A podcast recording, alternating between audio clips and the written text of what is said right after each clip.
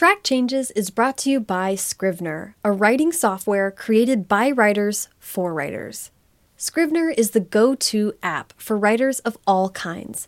Scrivener unites everything you need to write, research, and arrange long documents in a single powerful app. I have used Scrivener to write many books over the last 10 years. Its layout is based on an intuitive three ring binder concept that allows you to gather your material and navigate between different parts of your manuscript, notes, and references so easily, or rearrange the screen so you can look at everything at once. What I found to be the most game changing thing about Scrivener is you can break your text into manageable sections of any size and let Scrivener stitch them together when you're ready to compile the document. For me, that means I have every chapter broken out as its own document under the umbrella of the book as a whole. That makes Scrivener perfect for plotters because its integrated outlining tools lets you plan everything first. It also makes it perfect for pantsers because it's simple and easy to restructure later. The epilogue becomes a prologue with just one click and drag of the mouse, and your document automatically adjusts. No more painful copying and pasting and scrolling and scrolling and scrolling. Licenses for Scrivener for Mac OS and Windows are sold at literatureandlatte.com for $49 for Macs and $45 for Windows, or together for $80, and student discounts are also available. If you go right now to literatureandlatte.com and use code FIRSTDRAFT, you'll get a 20% discount on Scrivener for either Windows or Mac. That's literatureandlatte.com. Use the code FIRSTDRAFT and get 20% off.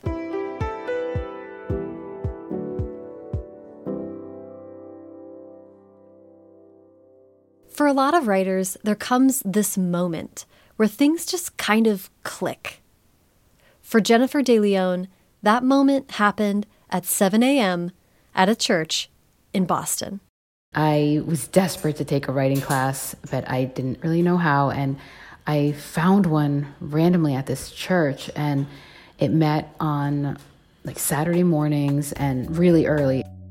The time wasn't great, but Jen didn't think much of it until the first day when she walked into the church's meeting room and saw her classmates. Everybody at the table was really old and I was so confused.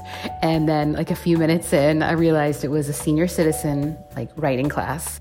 By the time she put it together, it was too late. Uh, there's no way I could have left. And they were like, What did you bring to read?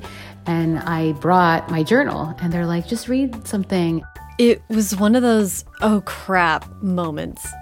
But Jen proceeded to open her journal. So I read this piece or this like journal entry about like hooking up and like it was so embarrassing and awkward. But also kind of life changing.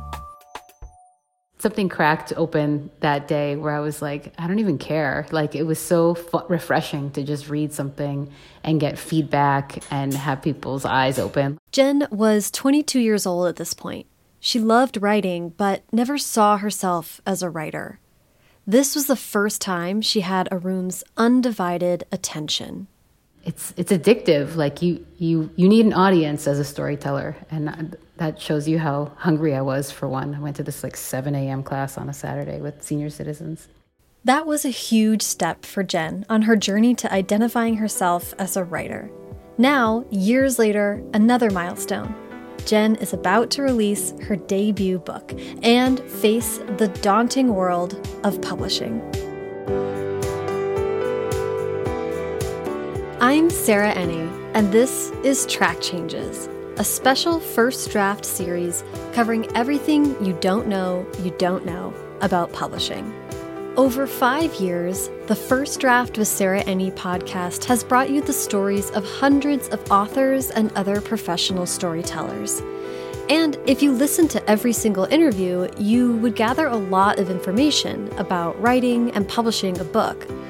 But nowhere have I laid out clearly and sequentially how this whole book publishing thing works. Until now. That's what Track Changes is for. Think of this series as your comprehensive guide to the traditional book publishing process. And to understand that process, we're going to be following Jen. who has come a long way from oversharing with seniors at 7 a.m. Her debut young adult novel, Don't Ask Me Where I'm From, is out August 4th. And as Jen navigates this publishing journey for the first time, we're going to follow along and learn from her experiences. We'll also be speaking to professionals from all parts of publishing, getting their perspective on how this very unusual and opaque industry works, and sometimes how it doesn't. Later in this episode, I'll be speaking with Courtney Maum, novelist and author of Before and After the Book Deal, a writer's guide to finishing, publishing, promoting, and surviving your first book who is going to help us lay down some publishing fundamentals. But before we get to that conversation, let's hear a little more about Jen. I'm going to have her give the quick pitch for her debut book, Don't Ask Me Where I'm From. It tells the story of 15 year old Liliana Cruz, who is a freshman in high school, and she's new to this particular high school. And she's in a, a METCO program, which is basically a desegregation program. And so while she's trying to fit in, she um, has learned that her father is missing. And she realizes that he's not so much missing, but he has actually been deported. And she had no idea that her parents were even undocumented. So this is a real changing uh, time for her and a, a coming of age novel. You've heard of Write What You Know? Well, Jen and her main character, Liliana, they have a lot in common. Jen grew up in Boston, but her parents immigrated from Guatemala. I often tell people, like, yeah, I grew up in the suburbs of Boston, but inside my house, it was Guatemala. She says it wasn't just that her family spoke Spanish and English at home. The rules were different. You know, it was like parents were the ultimate authority, whereas outside the doors of home, it was like it was America. It, you know, you could talk back to adults. You could like just do whatever you wanted. Basically, it felt like that. Growing up, Jen was often the only person of color in her classes, and it wasn't until she was a freshman in college when she first read a book with a Latina protagonist. It was House on Mango Street by Sandra Cisneros, and um, I went to Connecticut College, which is a small private liberal arts school, and my my freshman English course, they assigned that book, and so I'm reading it, and it's it just was like it just chopped my head off. Like I can't even. It was definitely a turning point for the way she experienced stories. And so then I started seeking out other writers, uh, women of color, and Latina writers, and I mean college in general just kind of like cracks open your brain, but that in particular. Um, stood out to me. But it really wasn't until after college, until after that morning at the senior citizen writing class, that Jen decided to take writing seriously. We're going to keep following Jen over the next few months through the release of Don't Ask Me Where I'm From and beyond. If you want to know a lot more about Jen's backstory, and trust me, you do, listen to her interview on First Draft. It's just one episode back in the feed where you found this show, and I'll link to it in the show notes. I didn't know much about Capital P Publishing, and what I thought I knew uh, wasn't so much wrong as it was just a fraction of what there is to know. So it's the kind of thing where it's like you don't know what you don't know, and then you learn a little bit, and you're like, wow, I really don't know. Learning just a little more about what we don't know after the break.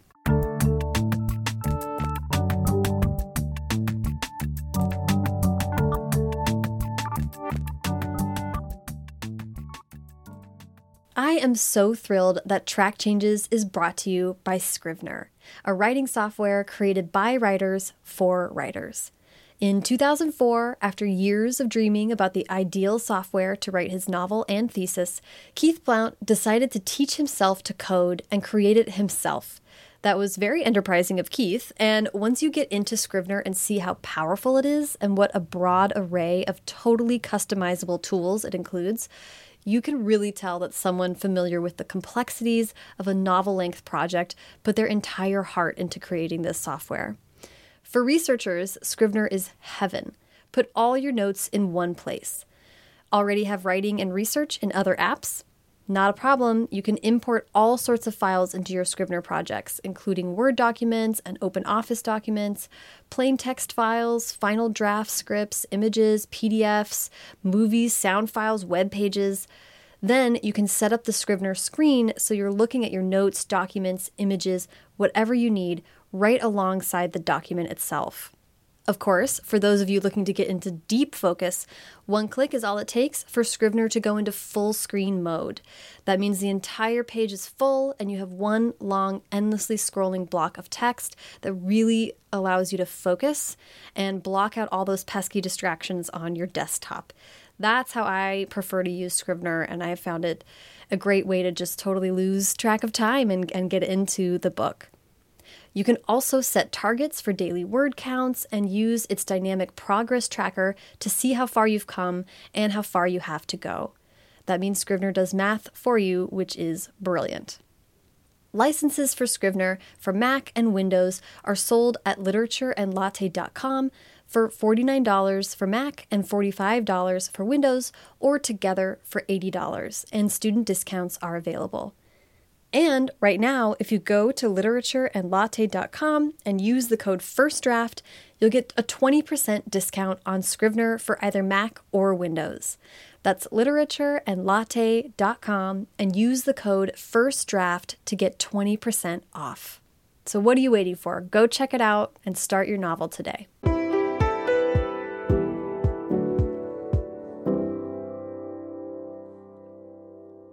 What Jen was saying, how the more you learn about publishing, the more you realize how little you know, is so real for me.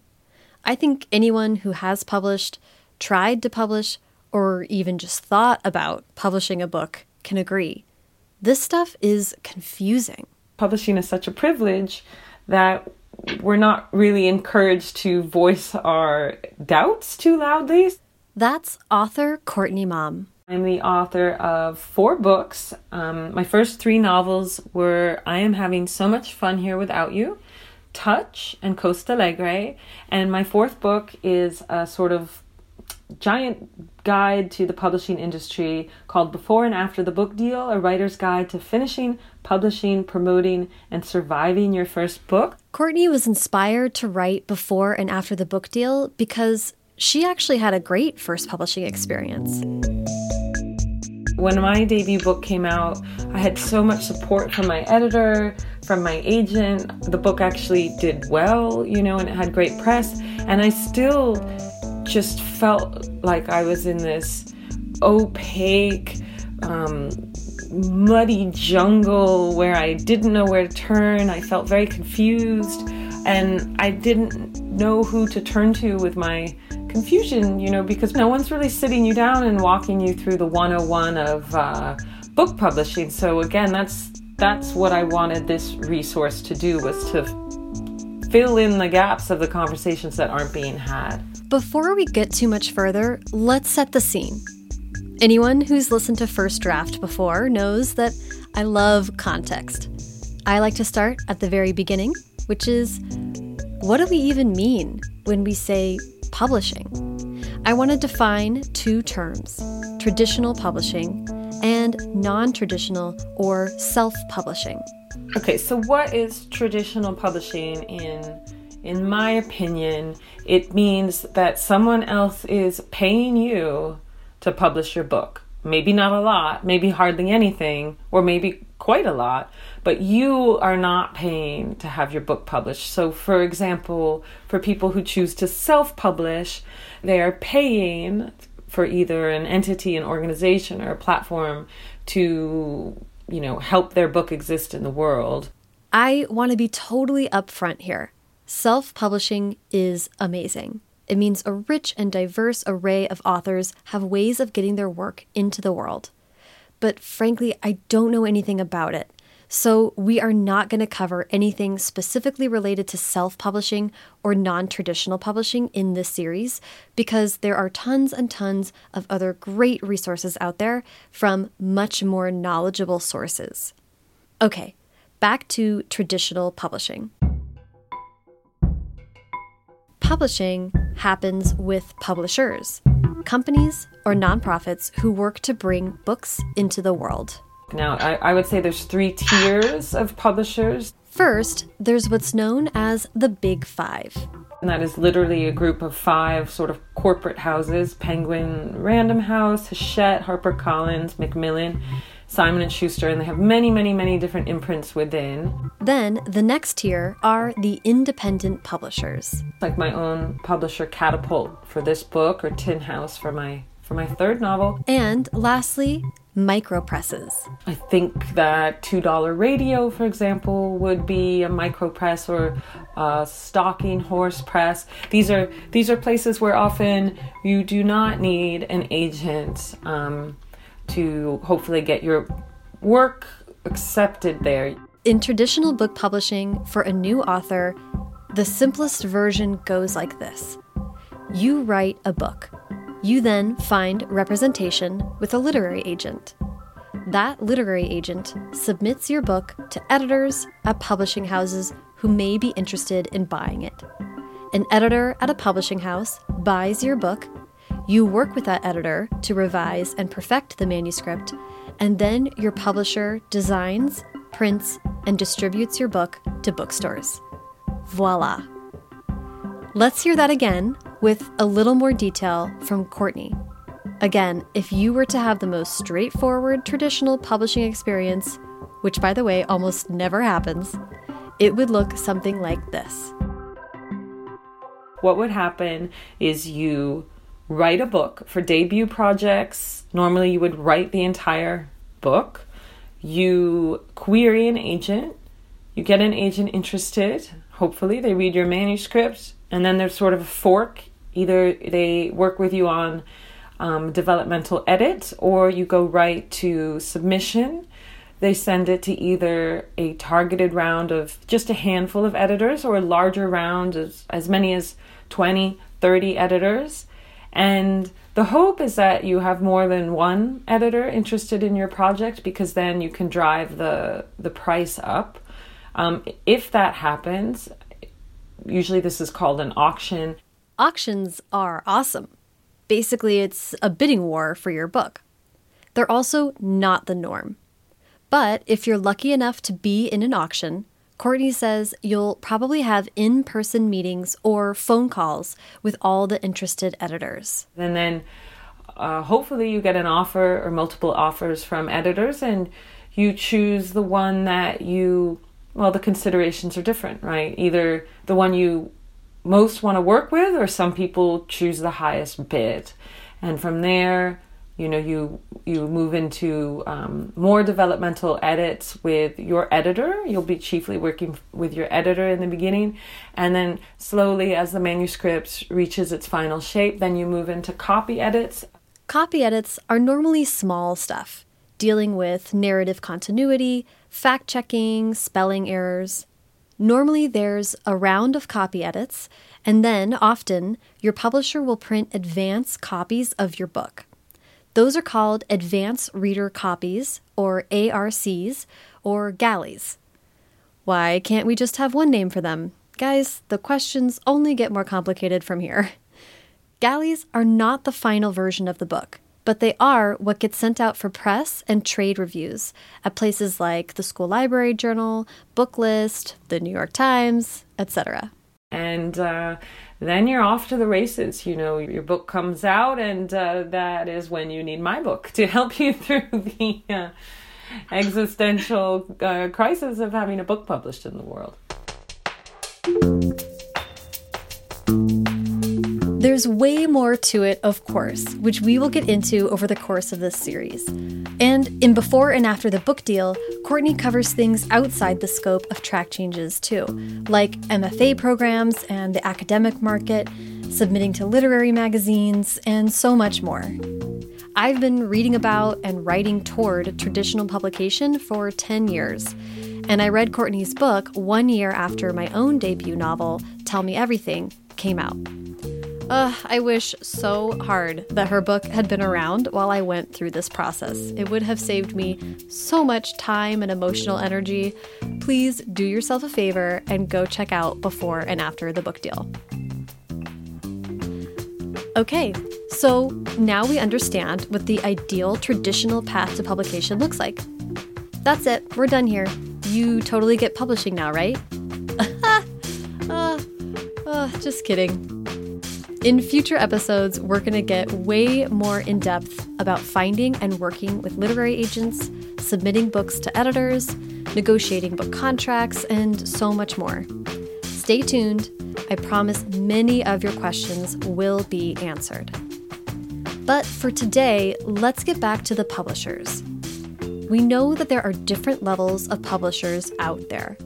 So, what's the big difference between them? How will going with a big five make my publishing journey different than if I went with a micro press?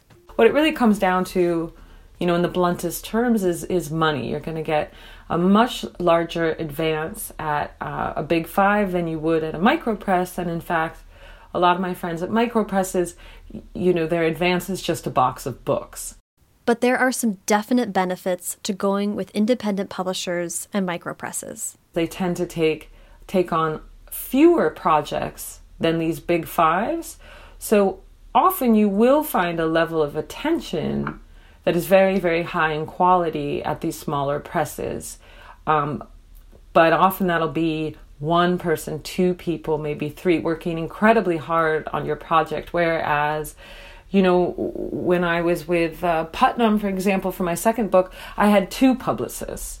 Um, there, there was a large team working on the book. The resources are just, it's a completely different world. Most of the time, your project will dictate your publishing experience.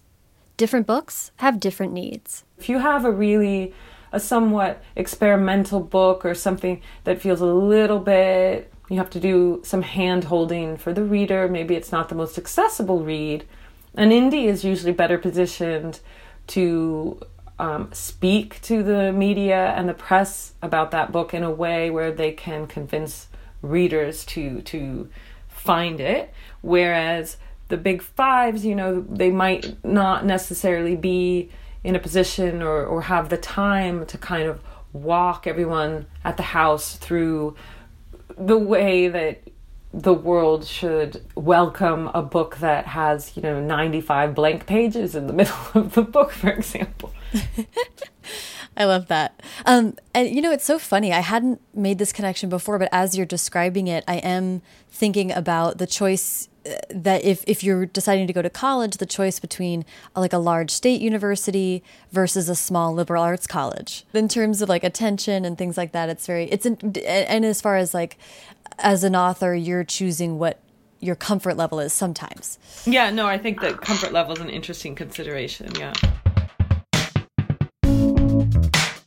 Okay, that was a lot of information. I want to point out one thing.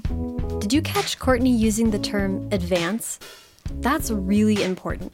In publishing, the term advance means the money that you as an author get paid for your book. So why call it in advance instead of big fat awesome moolah payday? Well, that is something we're going to get into in a big way in a future episode of Track Changes, so stay tuned. We're just getting started. Like I said, there's so much we'll get to over the course of this series money, contracts, agents, editors, print runs, marketing, and author self care. But I want to wrap up today's episode with a broader question Why is publishing so damn opaque anyway? Courtney has a very educated guess. Well, I think the factors that keep publishing opaque are twofold. Number one, it's so hard to get an agent, right? To to write something polished enough to get an agent. It's very hard to get something published. It's it's um an immense privilege that a lot of people are aiming for. So when you are one of the chosen few that gets it, it's just seen as such incredibly bad behavior to express any negative feelings about it and everyone on all sides of publishing is they're sort of in the same boat right like editors are what are they going to start you know speaking negatively about their acquired projects? No they know that for everything they acquire there's what 47 manuscripts that they've turned down? Agents ditto are they going to start speaking negatively about editors? Are publicists going to speak negatively about their author no everyone sort of has to work behind this facade where we're all hashtag grateful to be there and everything's going great. And hopefully it is. Hopefully everything is going going great. But uh, a lot of times, no. Courtney's right. And that's what I want track changes to provide. Not a place to talk crap about publishing, but a place for people in the industry to speak candidly about it, to share information, to offer up conversations usually had in group chats or Slack channels or at conferences and in boardrooms. I want to talk frankly about how the publishing world works and how we can make it work better.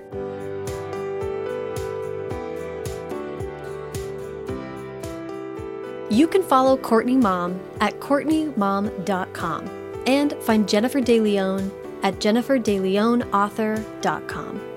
You can follow me at Sarah Enni on Twitter, Instagram, and everywhere.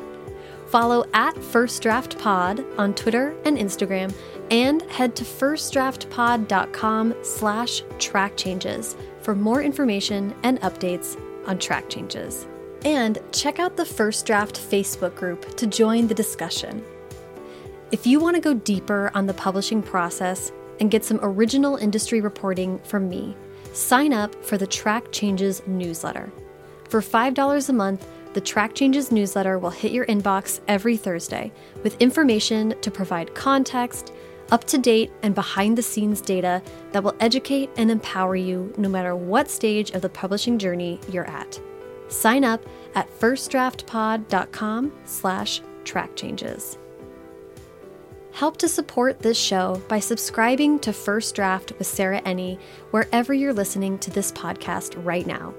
And please leave a rating or review on Apple Podcasts. It only takes a couple minutes and it helps the show so much. First Draft participates in affiliate programs. That means that when you shop through the links on firstdraftpod.com, it helps to support the show at no additional cost to you. And First Draft is an affiliate of bookshop.org, so that means it benefits independent bookstores too. If you'd like to donate to First Draft, either on a one-time or monthly basis, simply go to paypal.me slash firstdraftpod. Track Changes is produced by me, Sarah Enni, and Haley Hirschman. Zan Romanoff is our story editor. The theme music is by Dan Bailey, and the logo was designed by Colin Keith. Stay tuned next time when we get into agents. In reality, it's the agent that you sign first. It's the agent that you're going to be with forever, hopefully. Who are they, and how do I get one?